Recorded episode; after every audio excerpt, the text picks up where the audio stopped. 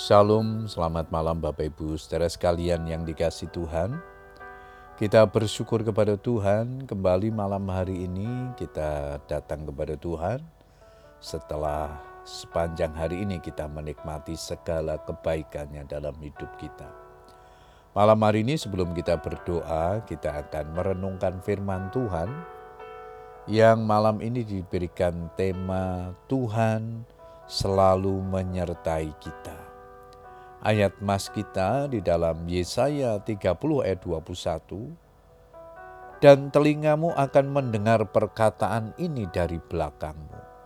Inilah jalan, berjalanlah mengikutinya, entah kamu menganan atau mengiri. Bapak Ibu saudara sekalian, dalam menempuh perjalanan hidup ini kita sering kali diperhadapkan kepada ujian, tantangan dan rintangan dan tidak bisa dipungkiri hal itu membuat kita menjadi lemah, patah semangat dan frustasi. Saat berada di situasi sulit seperti itu, terkadang kita baru menyadari bahwa kehadiran Tuhan dan pimpinannya sangat kita butuhkan. Melalui firman-Nya Tuhan menuntun dan memimpin langkah kita karena firman itu pelita bagi kaki kita dan terang bagi jalan-jalan kita.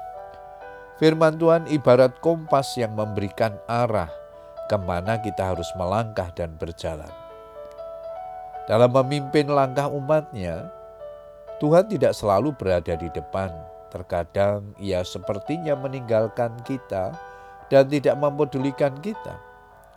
Padahal sesungguhnya ia berada tepat di belakang kita untuk mengawasi, mendukung, menopang, dan bahkan menggendong kita ketika jalan yang kita tempuh itu jalan yang berkelok-kelok, tidak rata, dan mungkin jalan itu tidak kita kenal.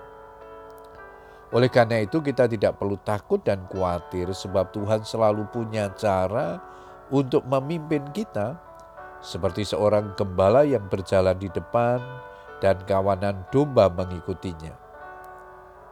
Namun demikian terkadang ia berada di belakang dan tak terlihat oleh kita. Mengapa Tuhan perlu berada di belakang kita?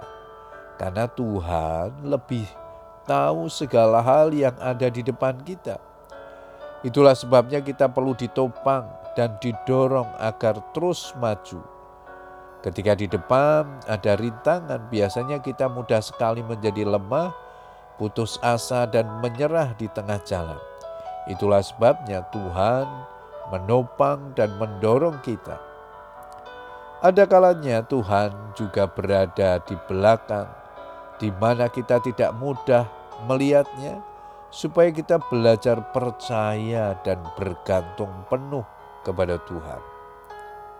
Tuhan mau kita belajar bergantung sepenuhnya kepadanya Maksud Tuhan berada di belakang adalah hendak melatih iman kita. Berikan diri kita untuk dipimpin oleh Tuhan, sebab hanya Dialah yang tahu jalan mana yang harus kita tumpuh. Mazmur 23 ayat yang ketiga, di sana dikatakan, Ia menuntun aku di jalan yang benar oleh karena namanya.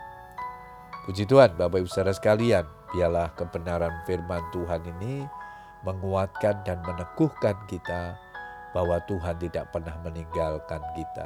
Ia menyertai kita, Ia menopang kita, bahkan Ia memberikan kekuatan yang baru ketika kita mengalami kelelahan, kelemahan dalam perjalanan hidup kita.